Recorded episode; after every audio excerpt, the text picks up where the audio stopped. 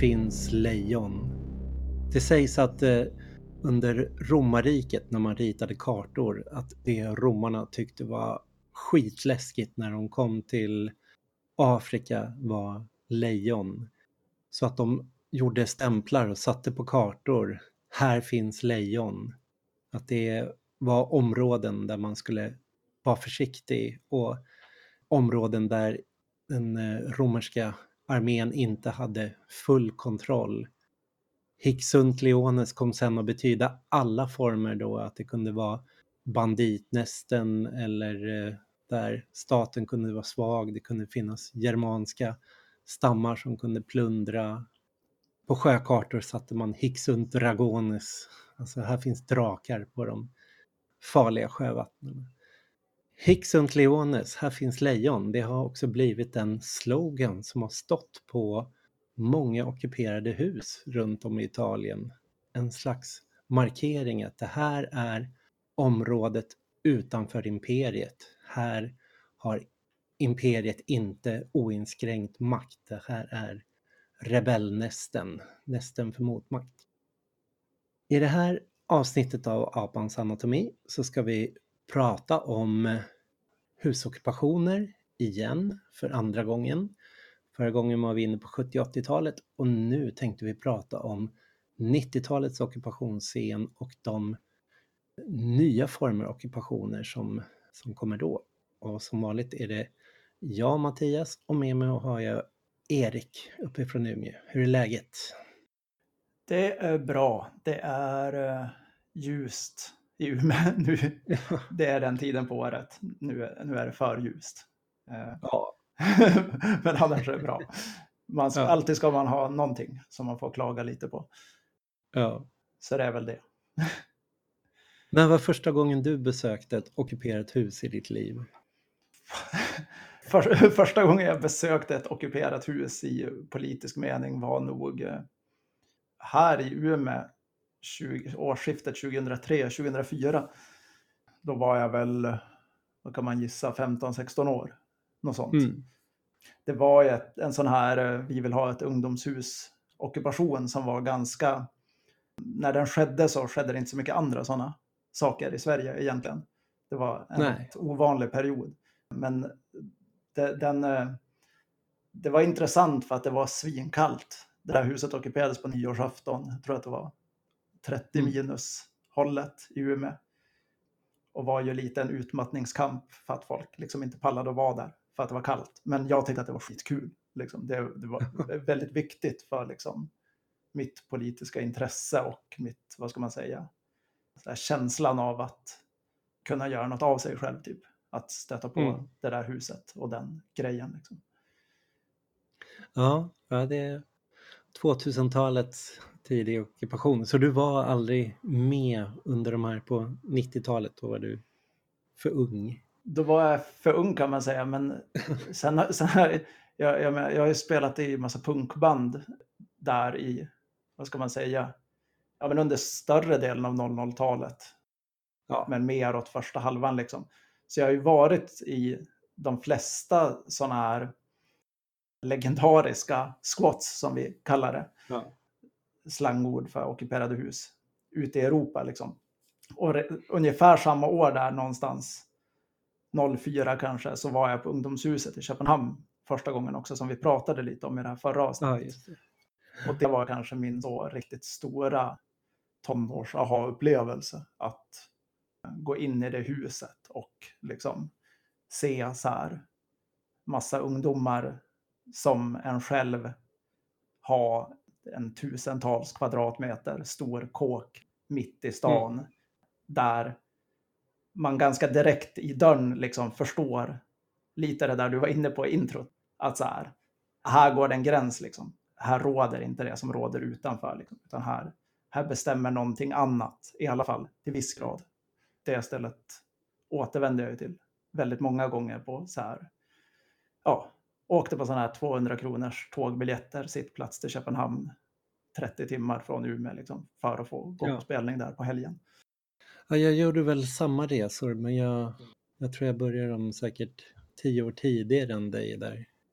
jag var ju lite för ung för eh, hela den här ockupationsscenen på 80-talet, den som var stor i Haga och den som pågick i, i Stockholm och borgen som fanns i Malmö runt 90 och det var lite så när jag, jag började väl aktivera mig i 87 och kom mer och mer in i anarkistsvängen 90-91 och det var precis då de sista stora ockupationerna i Sverige i den, vad ska man säga, 80-talsvågen skedde. Så jag var med på så här stöddemonstrationerna utanför och på rättegångsdemonstrationerna. Men också de åren jag köpte tågluffarkort och liksom gjorde mina första tågluffar i Europa. Och då hamnade man ju på ungdomshus i Köpenhamn och man besökte Christiania och sov på Bomsen, det här eh, ockuperade kvartershuset och jag besökte Blitz i,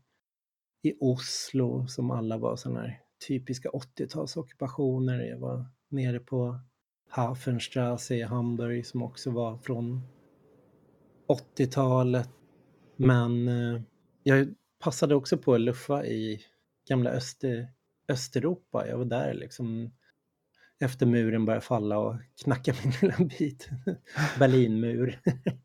Den blev till grus och pulver i min reseryggsäck under hela den tågluffen så jag hade Berlinmur överallt i mina kläder. Men då, då precis när muren hade, eller så här, åren efter muren hade fallit, då var det som i Tyskland, det kom en liksom andra våg av husockupationer där. Den första var ju liksom runt 80 och man hade haft de här stora slagen om sina hus och det hade legaliserats. Men när hela öst, eh, Östberlin öppnades upp, liksom Friedrichshain och allt sånt, så var det ju mängder av, så här, vad heter de, Riegerstrasse, Schönestrasse, Mainzerstrasse, alla de. Det blev mängder av ockupationer där. Och där var vi och sov under våra tågluffar, hälsade på och hängde på squatpubbar och så. Och jag var även över i, i London i Brixton då, som innan, i Brixton i södra London innan det hade liksom börjat gentrifieras och där var det ju också så här folk ockuperade överallt och det var ju boendeockupationen, skottar och så fanns det liksom infobokhandlar, det fanns eh, center som one-to-one center Brixton liksom dit man kunde gå och bara hej, jag behöver sova någonstans. Om man liksom ska prata om det här som ett liksom poddämne så tänker jag att vi pratade ju då rätt mycket i det här andra avsnittet vi gjorde om, om hur den här allaktivitetshustanken och ungdomshusbegreppen dyker upp och ganska fokuserat på Sverige så här. Varför, varför kommer sådana behov av alternativhus liksom? Eller eh, brukarstyrda mötesplatser typ. Mm. Och jag tänker att du nämner det här med Berlinmurens fall som liksom en viktig faktor till att det händer massa saker i början av 90-talet. Men det är väl också så som jag upplever i alla fall, att man har då de här länderna där man har väldigt mycket husockupationer i väst under slutet av 70-talet, tidigt 80-tal och en bit in på 80-talet. Där det blir väldigt hög grad av militans, alltså stora gatubråk, eh, barrikader och så vidare. Och i mm. många av de länderna så, så antar man ju någon typ av medlingsapproacher efter att ha hållit på med det här ganska länge. Så det mm. finns ju liksom och det här gäller ju då inte Sverige. Sverige går ju på en jätterepressiv linje mot slutet av 80-talet där man liksom helt bestämmer sig för att kväsa det här fenomenet mm. och man ger inte efter på det sättet. Det, det, det här som skapas på 80-talet med Blitz i Oslo, ungdomshuset i Köpenhamn som är ganska lika ställen och som är då kanske våra gemensamma referenser av ha stött på ute i Europa. Det får ju inte riktigt utrymme i Sverige utan istället kommer de här väldigt var upptrappad polisrepression. Liksom. Mm. Men det är ju liksom det som skapar en, över, en brygga mellan väst och forna östockupationerna där i början av 90-talet. är ju ja. liksom en mjuk linje i en massa västländer där man tycker att det är ett så legit behov som man måste möta till viss grad. Medan man samtidigt, det som händer i öst egentligen är ju att de byggnaderna är ju ofta värdelösa. Det sker ju en väldigt snabb migration av människor västerut. Mm. När Sovjet faller liksom. Eh, så, så på väldigt många platser så är det ju då ojämn levnadsstandard inom samma länder, som i Tysklands fall. Det är fastigheter som kanske har ägts av en stat som har upplösts eller av statliga företag som, som upplöses. Liksom. Och så uppstår ett stort jävla vakuum. Liksom.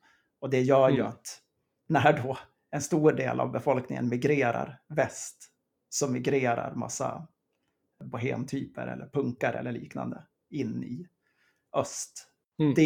liksom de närmsta territorierna kan man säga, muren och bebor de här platserna liksom, som i viss mån överges. Och det skapas ett väldigt stort utrymme där. Liksom. Och de där två processerna, att ena sidan det skapas ett tomrum, det skapas ett utrymme med östblockets fall, så att det uppstår en eh, husockupant-scen i Tjeckien, i Polen, i Östtyskland. Liksom. Det är liksom ena sidan, men andra sidan då den repressiva linjen hänger ju lite ihop med det här är åren som den Europeiska unionen bildas, där Europeiska gemenskapen blir Europeiska unionen och Sverige går med, det är omröstningar i Danmark, det är en rad länder som ansluter sig. Man börjar också homogenisera lagstiftningen och hitta en gemensam linje med hårdare tag mot husockupationer överallt. Och det där är ju Sverige väldigt snabba att liksom börja tillämpa de här reglerna. Medan i, i England, Holland, Tyskland så har ju rörelserna mer bitit sig fast så att säga och är starkare där. Kan mm. England lyckas man på ett sätt göra visst motstånd mot den här kriminalisering av skottscenen och i Holland sker det här steg för steg. Liksom. Ja, samtidigt kan man väl säga så här att det är därför jag nämner den där första erfarenheten av att försöka ockupera ett hus när det är 30 minus i Norrland. Liksom. Att så här, den klimatfaktorn är ju ganska viktig i det här sammanhanget. Att liksom, eh, har man varit med om det här att försöka gå in i byggnader liksom, och befinna sig utanför liksom, det legala rummet för hur man får använda fastigheter. Så är ju det en situation där man ofta kanske har avstängt vatten, avstängd el.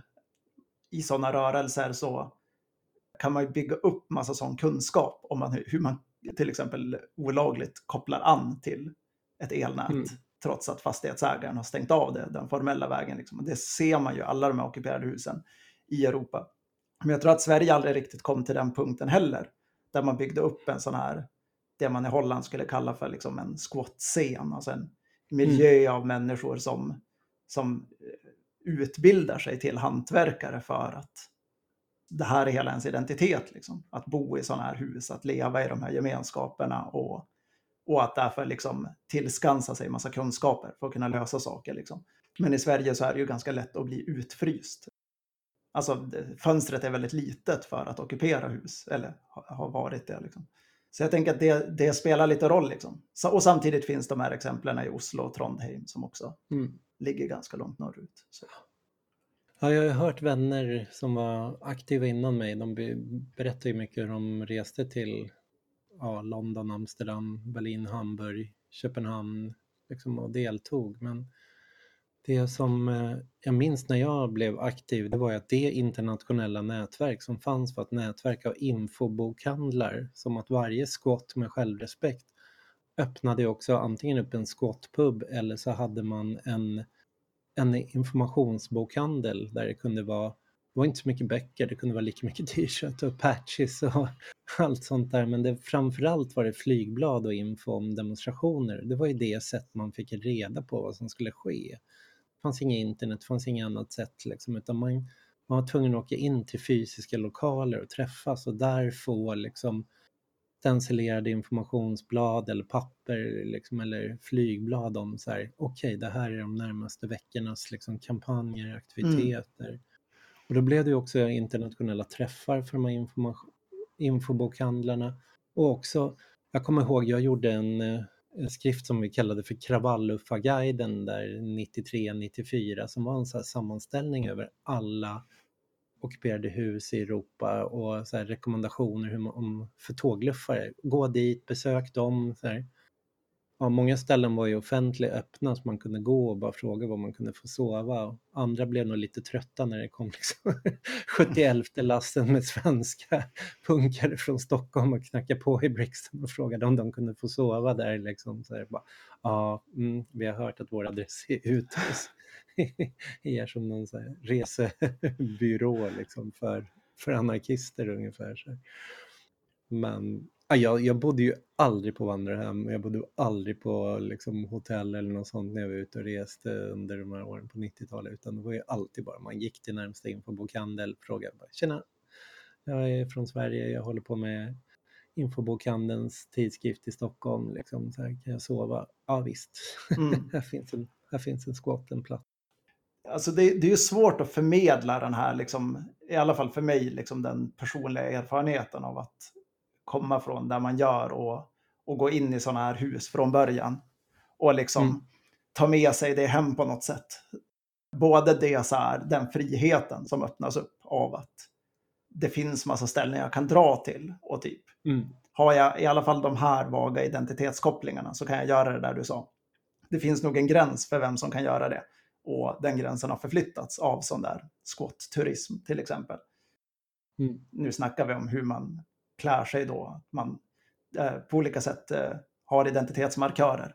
Eller kan förklara att man är en del av en grupp eller ett sammanhang som någon kan relatera till på de ställena. Men det är, det är ju en enorm frihet som öppnas upp när man, som jag då som, alltså, jag hade nog varit utanför Sverige en gång innan jag var på ungdomshuset. Så det var liksom min andra, andra eller tredje liksom utlandsupplevelse i livet. Liksom. Att vara i det huset. Så det, det blir ju jävligt fett liksom när man fattar det. Så här, att man kan just då dra till massa ställen och, och gå och knacka på en dörr typ. Och veta så här, här kommer jag få sova, här kommer det hända massa roliga saker, jag kommer få massa kompisar, jag kommer direkt bli indragen i massa praktiska göromål, för det är typ premisserna. Är så här, ska jag vara här så får jag hjälpa till och laga mat till folkköket och sitta i kassan på spelningen eller plocka ihop pant eller bygga någonting. Mm. Men du, du nämnde det här med, med infoshopparna liksom. Och det där har jag stött på jättemycket också som, som fenomen. Och det fanns ju kvar ganska länge för att jag tänker att det, det, internet, det tidiga internet erbjöd kanske vissa sådana liksom överbyggande strukturer. Men den här kulturen av liksom terminerscheman i Tyskland, mm. som man kallade det, alltså sådana info-shop-lappar liksom, med vad som ska hända och liknande. Finns säkert kvar idag fortfarande, men fanns kvar väldigt långt in på 00-talet som en etablerad form. Liksom. Mm. Men jag tänker att om du har stött på det där genom det, så har ju jag stött på det genom att spela i punkband och få mm. kontakt med de ställena den vägen. Liksom.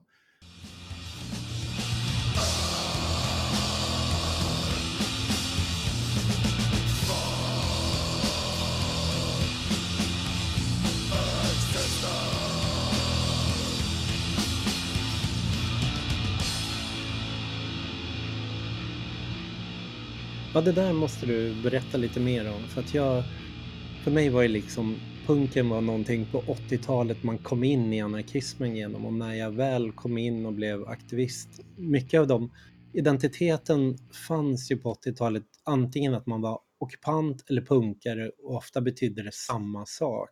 Men på 90-talet så blev det ju en direkt aktionsmiljö och då kom ju allt det här med man bildade antifascistisk aktion och det bildades antifa-strukturer i hela Europa. Det fanns en militant miljöaktivism, det fanns eh, kvinnokaféer, kvinnostrukturer överallt. Det var verkligen så här, aktivismen var det centrala och sen var det som vi fick en ung generation och de blev punkare på nytt, blev krustare och började bilda band och resa runt i Europa. Och mig var det lite så här, ja men vänta, ni går fel väg. Ni ska inte gå från aktivismen till punken, ni ska gå från punken till aktivismen.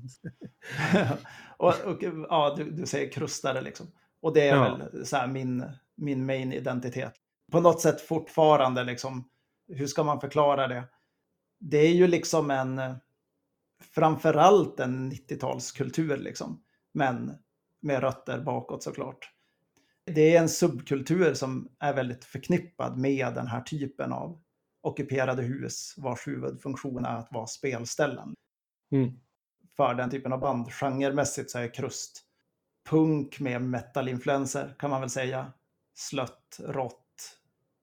Vad ska, det finns något som kallas D-takt i punk, men hur fan ska man förklara det här? Det låter, det, det låter som det låter som Black Sabbath och Motorhead, typ. Mm. Blandat med vissa av de andra punkinfluenserna. Liksom. Men det kommer mycket från Black Sabbath och Motorhead och sådana prylar också. Lyssnar man på liksom de grejerna och tittar på ett band som heter Crass, som är liksom ett av de tidiga narkopunkbanden, någonstans mm. däremellan så kan man liksom förstå det här jättepolitisk punk med vissa liksom jättespecifika musikaliska referenser. Typ. Men det är egentligen inte liksom hur man definierar krust som musik som intressant. Liksom. Eller huruvida var man sätter gränserna för hur en krustare ser ut. Liksom. Eh, den, den, typiska krustaren har ju dreads i nacken och svarta byxor med tygmärken på. typ. Det är så här klassisk kruststil. Det är mm. det jag menar med identitetsmarkörer då. Mm. Men som miljö så är det väl väldigt mycket en så här göra-miljö. Alltså bo i ockuperade hus, eh, dra runt i minibussar, mm. spela musik, typ. Hur mycket hänger den scenen ihop med att hela det här... För att med repressionen svåra att ockupera så kommer ju också det här med Wagenborg så att folk eh, börjar bo mer i vagnar och hitta parker och områden där man kan smälla upp massor med vagnar och bo i.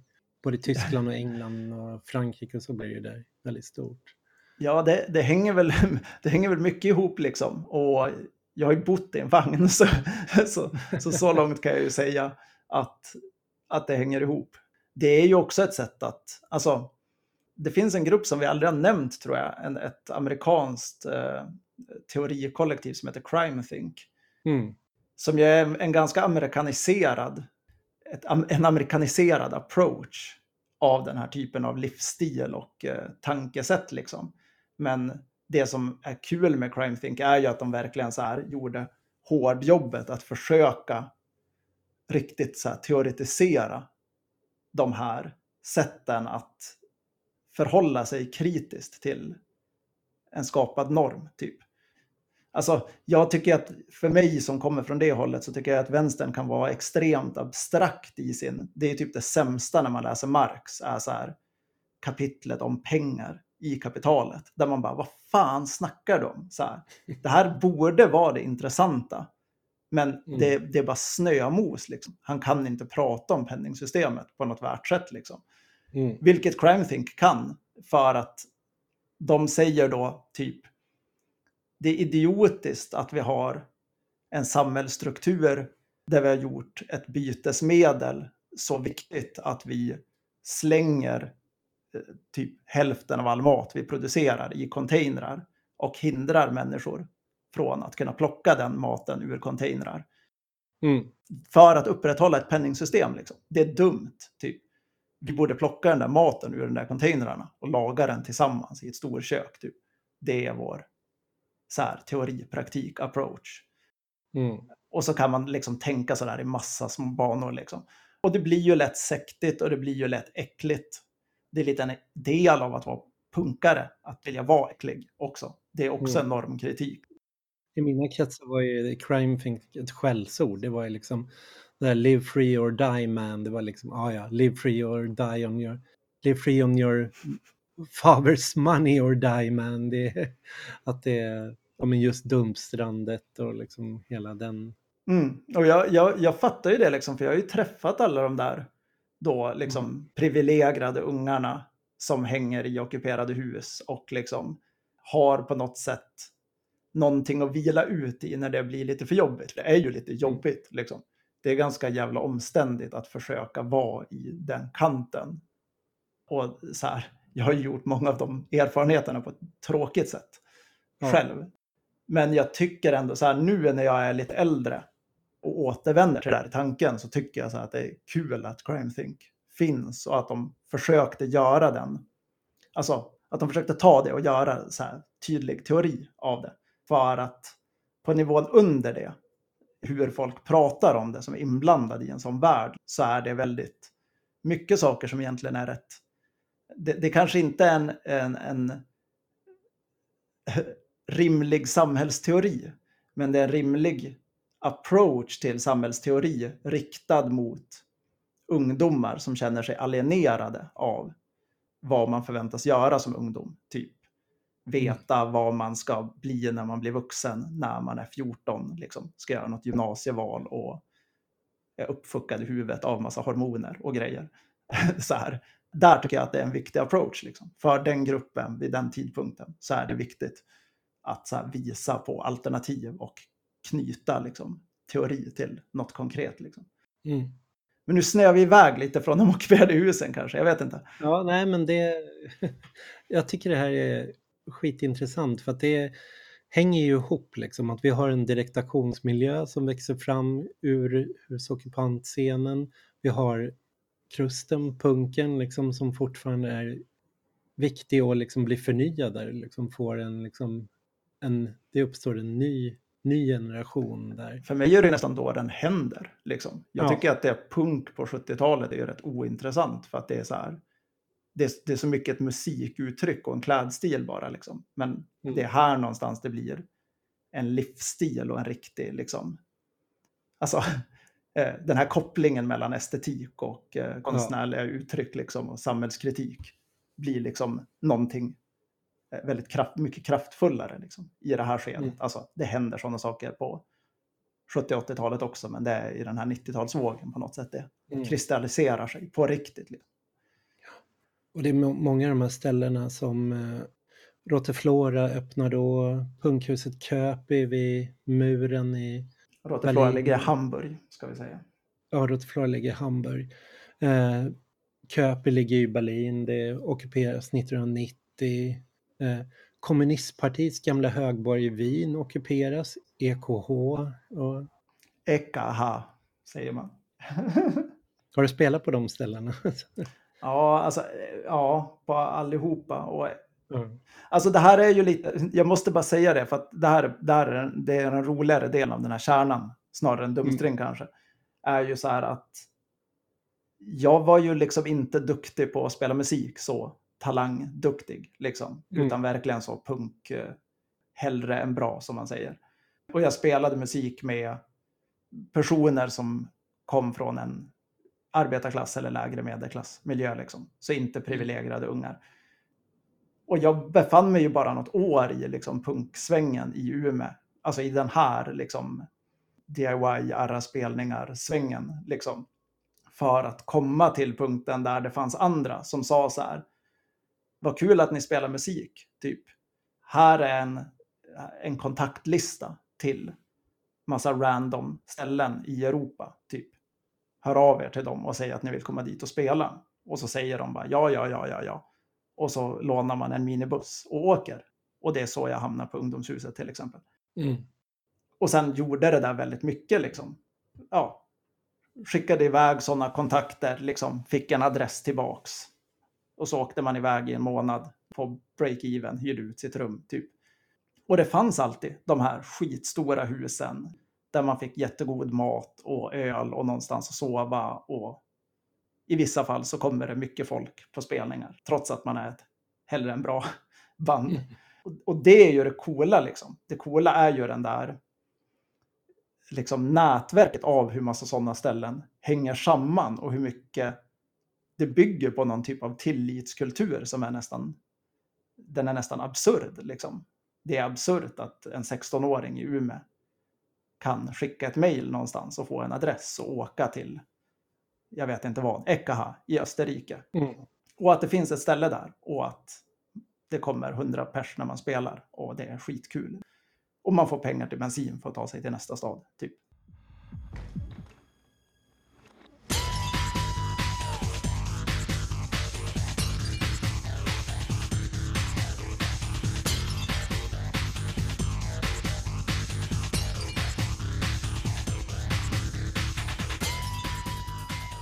Jag har ju liksom ena benet i vad man ska säga autonom aktivism, Antifa-scenen liksom. Men min andra ben, det jag verkligen kommer ifrån, det är ju miljörörelsen. Och just de här åren när EU byggs upp, då sker ju en jävla massa saker. Då exploderar hela den här liksom anarkistiska miljöaktivismen eller radikala miljöaktivismen på 90-talet. Och det, det hänger ju samman med för att, för att skapa en inre marknad i Europa så behöver du liksom strömlinjeforma lagar, du behöver liksom eh, anpassa eh, marknaderna med varandra men framförallt behöver du skapa en infrastruktur.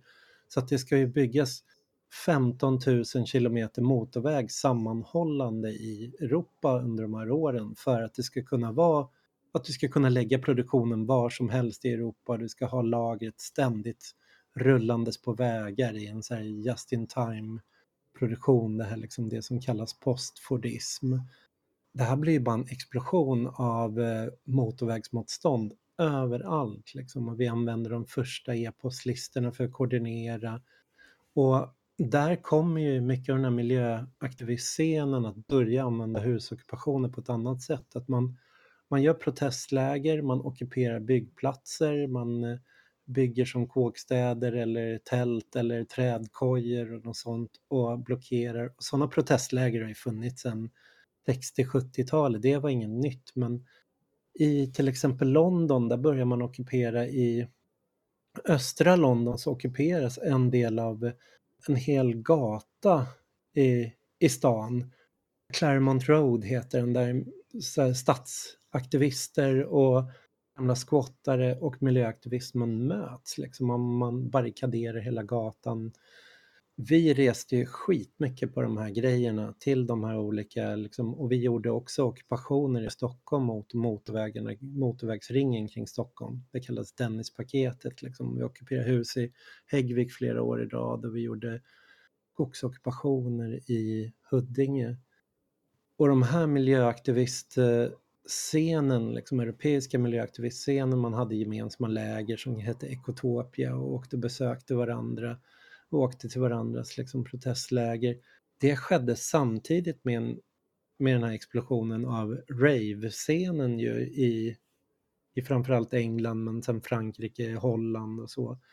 Så det flöt ju ihop väldigt mycket med den formen av subkultur. Det var ju inte liksom punken eller krust som var, var stor där utan det var ju att det här det var ju också i, i skiftet liksom 89-90 från de här eh, rave-scenen, det började liksom med att man började liksom mer flytta över och göra utomhusfester, så här free parties och liksom sätta upp ljudanläggningar ute i skogen och fixade egna elsystem, liksom skapade temporära autonoma zoner där man snabbt kunde få igång en hel struktur med mat, ljud, allting. Liksom även gjorde brytfester eller så där man gick in och ockuperade en byggnad under ett dygn och bara körde technofester liksom 24 timmar eller något sånt i lagerlokaler och det där blev ju en jättehård repression mot de här dels på grund av liksom drogerna men dels på grund av att det var liksom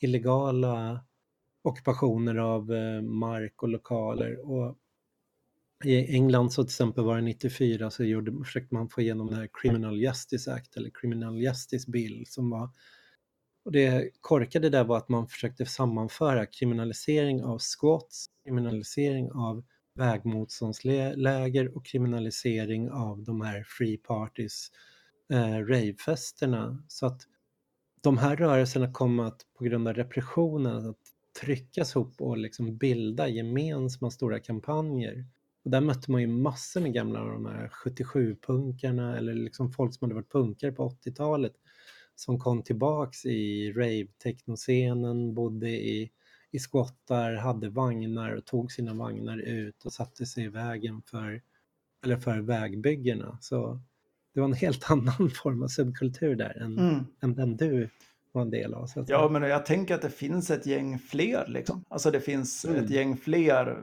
liksom, eh, musikgenrer och liksom, eh, identitetsuttryck som också har rört sig kring den här typen av eh, former för vars man får verka och av olika skäl liksom behandlats repressivt. Alltså, det finns andra identiteter som också blir misstänkliggjorda på samma grunder.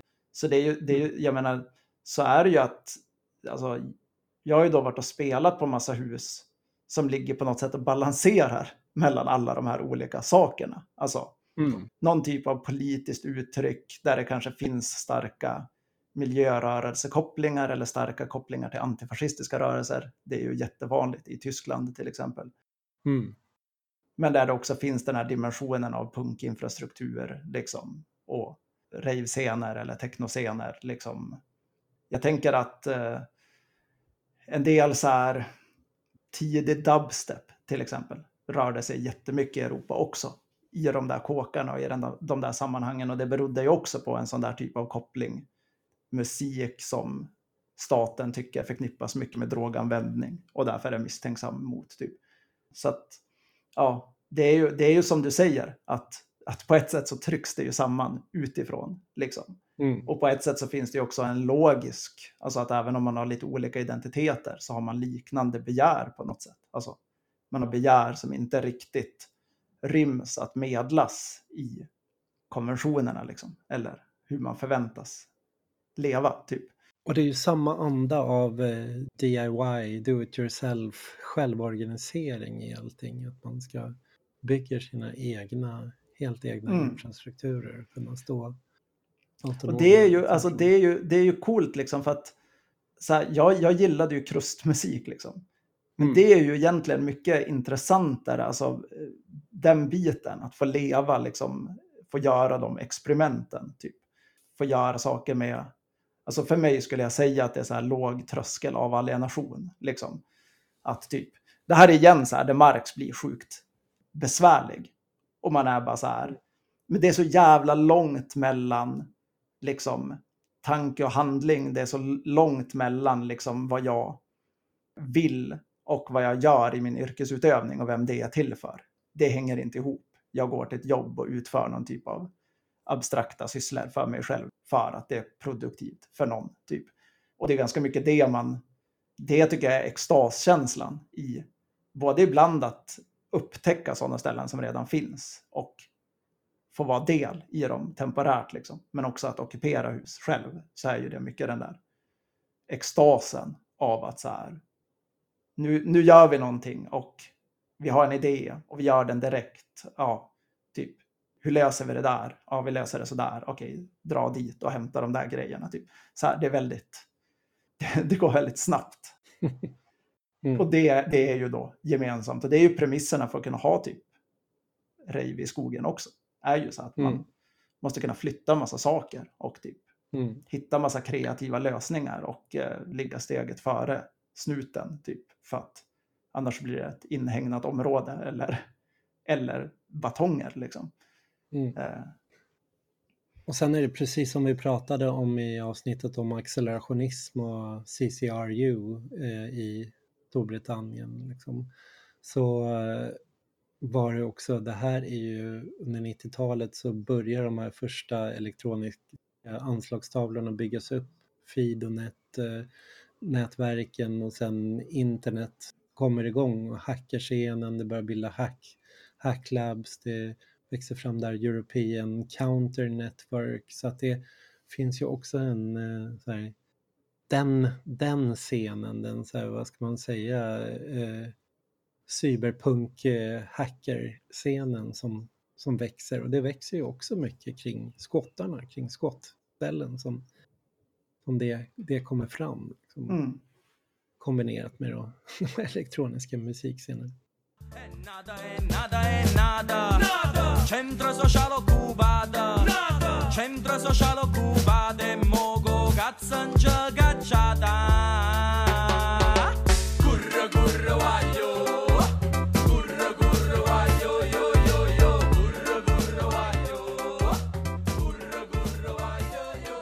Vi har pratat mycket om eh, norra Europa här nu och det, det, under de här åren så sker ju svin mycket också i Italien liksom, eh, på 90-talet. Och i Spanien ska vi säga. Så här tar ju hela husockupationsscenen eh, fart här då i början av slutet av alltså 89-90 kan man säga.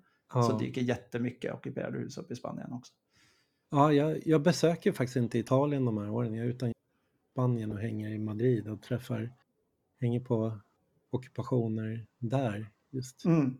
på 90-talet och Italien går lite utanför min radar. De, först när vi fixar brandfestivalen 1998 när Brand fyllde 100 år som det kommer upp massor med squatters från eh, Turin, liksom anarkistiska squatters där och liksom börjar berätta om hur den här italienska scenen ser ut med anarkistiska squattar. Så berättar de så här, men ja, förutom då anarkisterna som kör helt illegalt så finns det de autonoma och de har sociala center och de har sin gudfader i parlamentet. Att där, de har skydd av liksom vänstern i det de gör.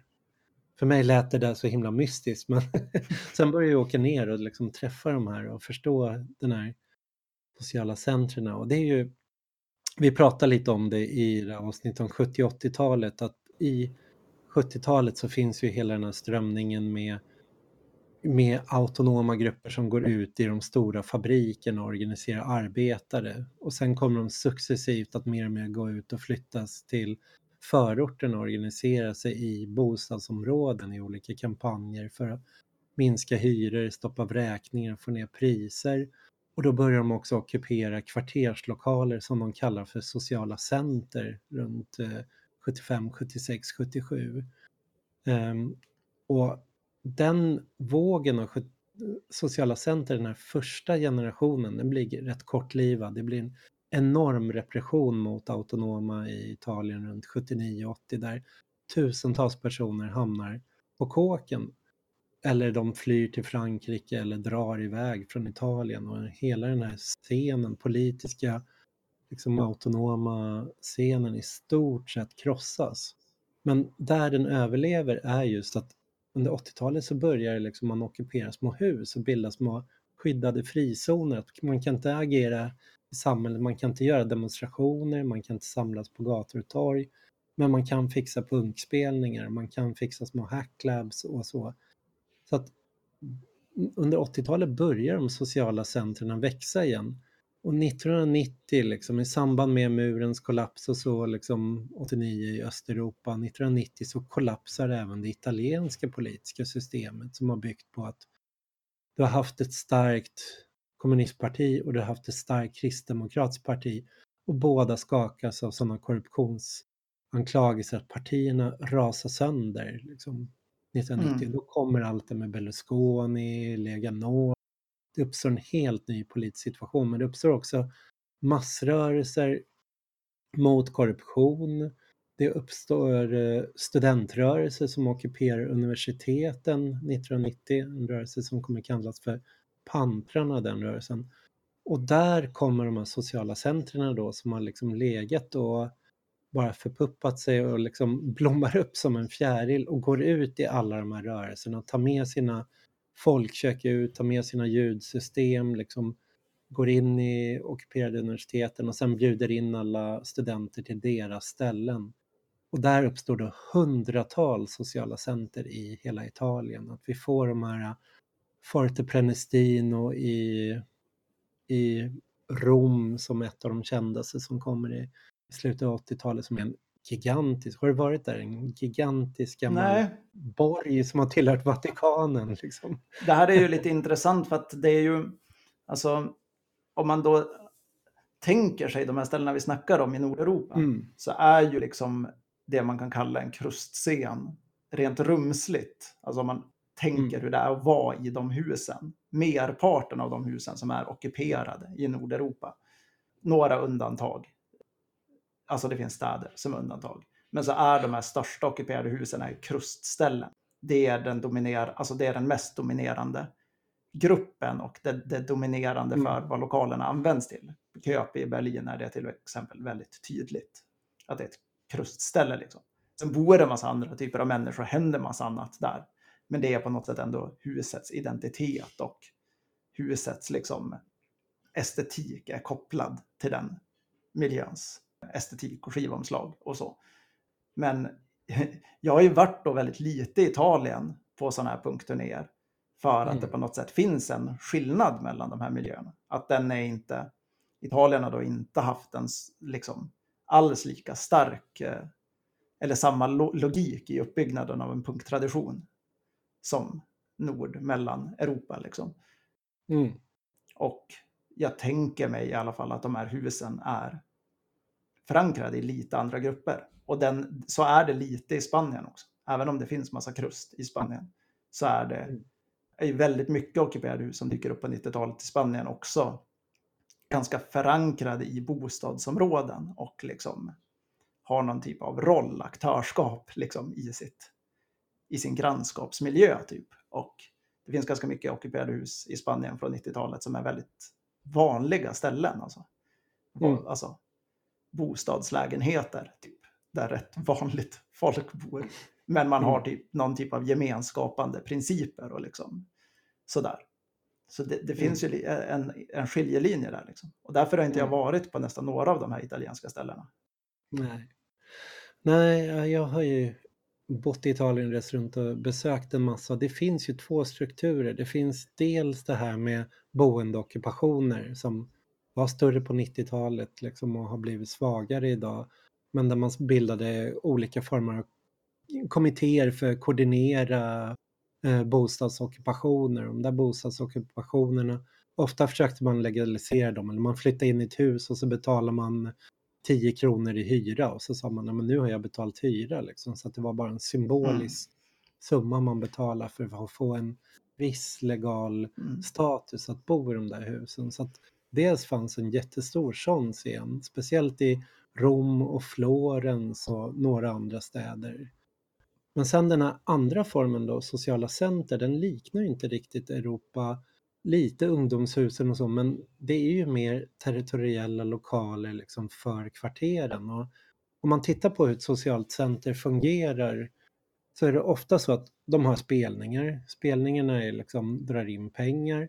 Men de där spelningarna är inte i första hand punkspelningar ofta, utan ofta har det varit så här technofester och så men framförallt så uppstår en egen hiphop-scen. Italienska hiphopen uppstår kring de sociala centren då. Till exempel i Neapel så finns den berömdaste squatten heter Officina Novantanove. Och där gänget som hänger där liksom som sysslar med hiphop, de kallas för Novantanove Posse och blir en av de största hiphop-kollektiven liksom. Och i Rom finns ett som heter Assalti Frontali som är också så stor. Så att det, de stora namnen i hiphopen kommer från, från de sociala centren och är kopplade dit. Men framförallt så har man också, man har alltid en stor restaurang, en stor matsal så att man kan laga mat, vara många där, man kan gå dit och äta, arbetare kan komma dit och äta, studenter kan komma dit och äta. Och sen så har man rådgivningsbyråer och det kan vara att de där lokalerna fungerar då som en både fack, hyresgästförening och migrationsstöd. Så att man kommer dit och så är det så här, ena rummet är det italienska för invandrare, så håller de kurser då dit eh, invandrare kan gå och lära sig. Nästa rum så kan det vara en så här rådgivningskommitté för bostadsboende, eh, både liksom hur, kring hyror men framförallt kring ockupationer, kring hur man ska kunna hitta platser om man är papperslös eller om man är, behöver någonstans att bo och vad man kan ockupera, hur man kan få legal hjälp. Eller som man har osäkra anställning så finns det liksom ett tredje rum, då har man rådgivning. Man kallas Portello, Portellos, de här rådgivningsställena. Då, då går man dit och träffar andra, pratar om sina osäkra anställningar så hjälps man åt, så går man kollektivt ut och genomför blockader eller genomför aktioner. Så att det fungerar liksom som en eh, så urban eh, facklig eh, struktur, de här sociala centren som verkar ut på samhället på, på ett sätt som inte jag känner igen liksom från övriga Europa. Nej, det har väl att göra lite med den här, dels den liksom, politiska systemkollapsen som Italien genomgår där på 90-talet, men också att det är ett land med mycket svagare sociala skyddsnät. Det är också ett tympligare klimat för att ockupera hus på ett annat sätt. Alltså, om jag sa så här att jag har gjort massa dåliga erfarenheter eller mm. hårda mm. erfarenheter av att syssla med det där, så är ju ganska många av de erfarenheterna att det är jobbigt liksom att bo här i mm. den här delen av världen och försöka att vara ganska oberoende. Medan jag tänker att den tröskeln är lite lägre. Alltså, mm. man kan vara betydligt normalare och gå över den legala gränsen i ett medelhavsklimat. Typ.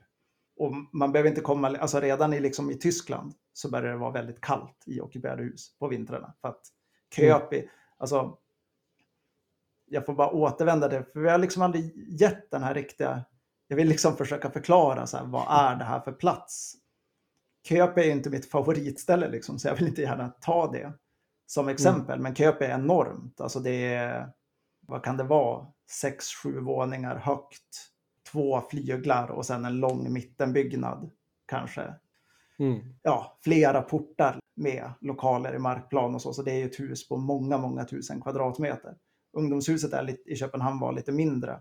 Mm. Det är ju då vräkt sedan mars 2007.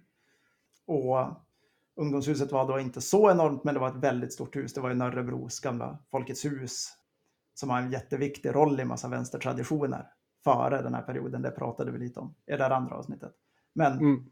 går man in på ungdomshuset på 90-talet eller i början av 00-talet så är det ett hus ja, det är ju en sån Folkets hus-lokal liksom. Trägolv, stora öppna möteslokaler liksom, med kök och en sån jättestor alltså teaterscenlokal mm. på ett övre plan. Så det, det är ju en jättekåk, men nästan alla väggar målade i svart med massa olika typer av krust, anarkist, eh, estetik liksom. Alltså mycket svartvitt typ i uttryckssätten mm. dödskallar, bla bla bla. Det var ju deras logga. Så här. Pirat. Eh, mm. Vad säger man? Estetik. Eh, pirat. Ja, exakt. Så det är ju, men en del av den upplevelsen är också så här, är man ett gäng punkare som ockuperat ett flera tusen kvadratmeter stort hus, även i Köpenhamn, så i november så är det ganska kallt i Köpenhamn och mm. det går inte att värma upp det där. De resurserna finns ju inte det finns kanske resurser att stanna kvar i det där huset och ha spelningar där och pubbar och så. Men man sitter ju ändå där med jackan på och fryser i november i början av 2000-talet. Så det tänker jag då lägger en viss barriär för liksom normaliteten i att syssla med den här typen av aktiviteter. Medan jag, mm. i min teori liksom, så är den då lägre i Italien och det gör att det kan ta sig lite bredare uttryck, eller vad ska man säga, vad, ha kopplingar till. Alltså det där, som är, det där är ju intressant att ha den där typen mm. av funktioner. Men när folk har varit nyfikna på det i Sverige, så att ockupera hus då för att ha den här, eh, vi ska vara navet i ett bostadsområde, typ. Så är jag lite skeptisk. För att jag tänker lite så här, men ingen, kom, ingen kommer orka göra det där liksom. Som mm. inte är en, en social outcast-människa som tycker att det är så spännande och kul att man liksom lämnar svensk levnadsstandard för att sova i dubbla sovsäckar. Typ. det är också skillnad på ett hus man bor i. Att det, det mm. huset man bor i involverar ju de boende och kanske en liten större skara runt omkring det. Men ett hus som är kvartersorganiserat bygger, det måste ju ha en större social struktur med folk som involveras på olika sätt. Och jag tror anledningen att sociala centren i Italien är så himla mycket utåtriktade, verksamma i samhället, det, det har flera anledningar. Dels att eh, den generation som blev kriminaliserad under 80-talet och satt på kåken, när de kom ut så hade de sina karriärer brända och de gick tillbaks in i en politisk miljö. Så att det här är inga ungdomsställen. Det finns väldigt politiserade människor som är liksom aktiva och äldre som har gått in i de här strukturerna. Så att många av de här sociala centren fungerar som minipartier eller minivänsterorganisationer. De har, de har verkligen en plan för vad de vill jobba och vad de vill använda sina ställen till. Och sen finns det ju ställen som också sociala center som ockuperades, sen blev kommersiella och blev vanliga kommersiella spellokaler, legaliserades och är idag det, det är liksom precis likadant som man mm. var på Debaser, liksom ingen skillnad. Och det är väl den där kontentan lite som jag gärna skulle vilja, det, det, vi, vi är liksom och fiskar i någonting, varför dalar den här typen av kulturella uttryck och den här typen av platser en bit in på 00-talet. För det gör de ju. Det är ju och jag, jag, kan inte avrunda ett sånt här avsnitt och säga så här, det är repression, typ. EU-lagarna liksom sätter sig och de blir utsatta för massa repression, för det är inte riktigt så enkelt. Och det där du är inne på med liksom kommersialisering och så, det är ju igen både då förståelsen av sådana platser och av den, vad ska man säga, ekonomisk-kulturella situationen i mm. Europa idag. Så är det en jätteintressant diskussion att förstå vilken roll sådana här platser börjar få i städers varumärken och liknande en bit in på 2000-talet. Mm. Och vad det gör med, den, med det som händer på sådana platser mm. och de som sysslar med det.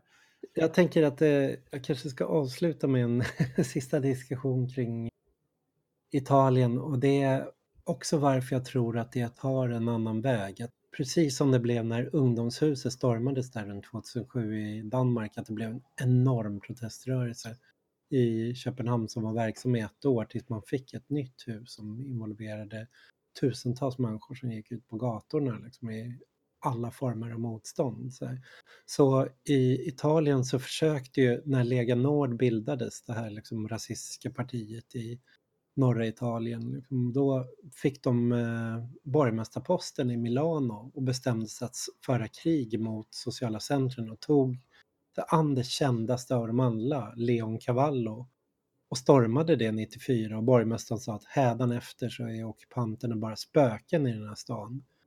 Och då mm. började Leon Cavallo, när de slängdes ut så blev det också så samma form av enorma massprotester och de ockupanterna började klä sig i vita overaller, att man gick ut så här, okej okay, då är vi spöken, så de kravallade i vita overaller och blev också verkligen en så här massrörelse som satte avtryck på hela Italien, framförallt genom att man började en diskussion efteråt, så att hur kan vi försvara våra strukturer, att inte bara ta ett hus, sen utsättas för repression och sen behöva bedriva antirepressivt, antirepressiv verksamhet och bara fast i någon cirkel av så här, varje aktion kommer möta motreaktioner som gör att vi måste defensivt försvara oss utan hela tiden bara ackumulera mer och mer ställen, legalisera, få dem att sprida sig. Och där politiserades en rad av de här sociala centren även att de började ställa upp på partipolitiska vallistor, de började närma sig det gröna partiet, de började närma sig eh, Vänsterpartiet, Rifondazione Kommunista där och ställa upp på deras och fick in poster i en rad städer, började liksom kunna ge skydd åt sina strukturer. De utvecklade också hela den här formen med vita overaller då till att gå från kravaller, gatukamp till en form av civil massolydnad där de använde verkligen kommunikativa former och försökte storma in, riva ner, öppna upp eh, flyktingförvar. Man använder det i miljöaktioner, man använder det för att skapa nya ockupationer så att varje ny social protestvåg som kom såg man till att intervenera som sociala center och bygga nya så man ackumulerar fler och fler. Så varje våg byggdes här på från 100 till 200 till att det blev fler och fler sociala center och när ett hotades då gick alla in och organiserade genast en massdemonstration.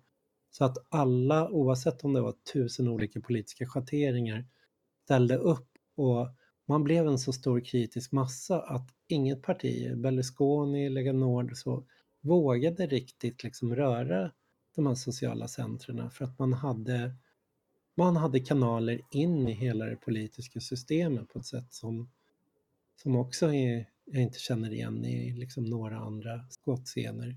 Då är det lite som de här anarkisterna från Turin som jag stötte på 98 förklarade, men de har sin gudfader i parlamenten som jag inte fattade. Liksom. Det är ju väldigt orelaterbart om man är från Sverige. Det, det, alltså min Italien-fördom är ju så här, det är exakt det som är den politiska kulturen. Så här. Alltså den där typen av relationsbyggande vi gör det här, vi har en funktion för de här människorna, vi har det här skyddet uppåt i de här leden i juridiken mm. och politiken. Liksom. Det är väldigt mycket annat som funkar på det sättet i Italien, tänker jag mig. Eh, nu kanske jag är fördomsfull, men så här. ja, det finns ju klientelism och det finns ja, hela... exakt. Som då är ju lite långt borta i, i Sverige mm. som har en så högfungerande statsapparat som har liksom mm. lång kontinuitet utan ja. att egentligen ha haft den typen av kriser. Det är det ABF eller polisbatong, det är det man får välja mellan. Liksom. Ja. Bilda en studiecirkel eller så blir det spö, får du spö. Liksom. Men det är ju kanske det mest alienerande med, ja. i alla fall för mig, i min ungdomsupplevelse av att leva i Sverige, så är ju det, det är den stora alienationen. Det är så här, du kan välja mellan att få stryk eller att bli utmattad av att så här, måste gå på, du vet, alla de här tråkiga jävla, du vet, cirkelledarutbildningar. Alltså, bli nernött till att vara kugge mm. i ett annat typ av sätt för staten. För, alltså jag älskar ju svensk folkbildning och jag har jobbat massa år inom svensk folkbildning, men det är ju ändå ett sätt att administrera de här begären och tygla dem. Där alla, alla liksom sociala verksamheter hamnar i den här, okej, okay, ni, ni tar bort allting som har udd i era principer och så får ni statsbidrag. Typ. Mm. Det är en jobbig mjuk repression kan man säga att ha att göra med på vissa sätt om man vill, vill ha ut mer saker av livet och samhället. Nej, det är inte så mycket lejonfesten kvar. Av ja, kanske ska avrunda det här avsnittet där. Och det finns anledning att återkomma till alla de här frågorna kring. Mm, det finns många bra spår i det här. Tack för att ni lyssnade. Mm, tack så mycket. Vi hörs igen.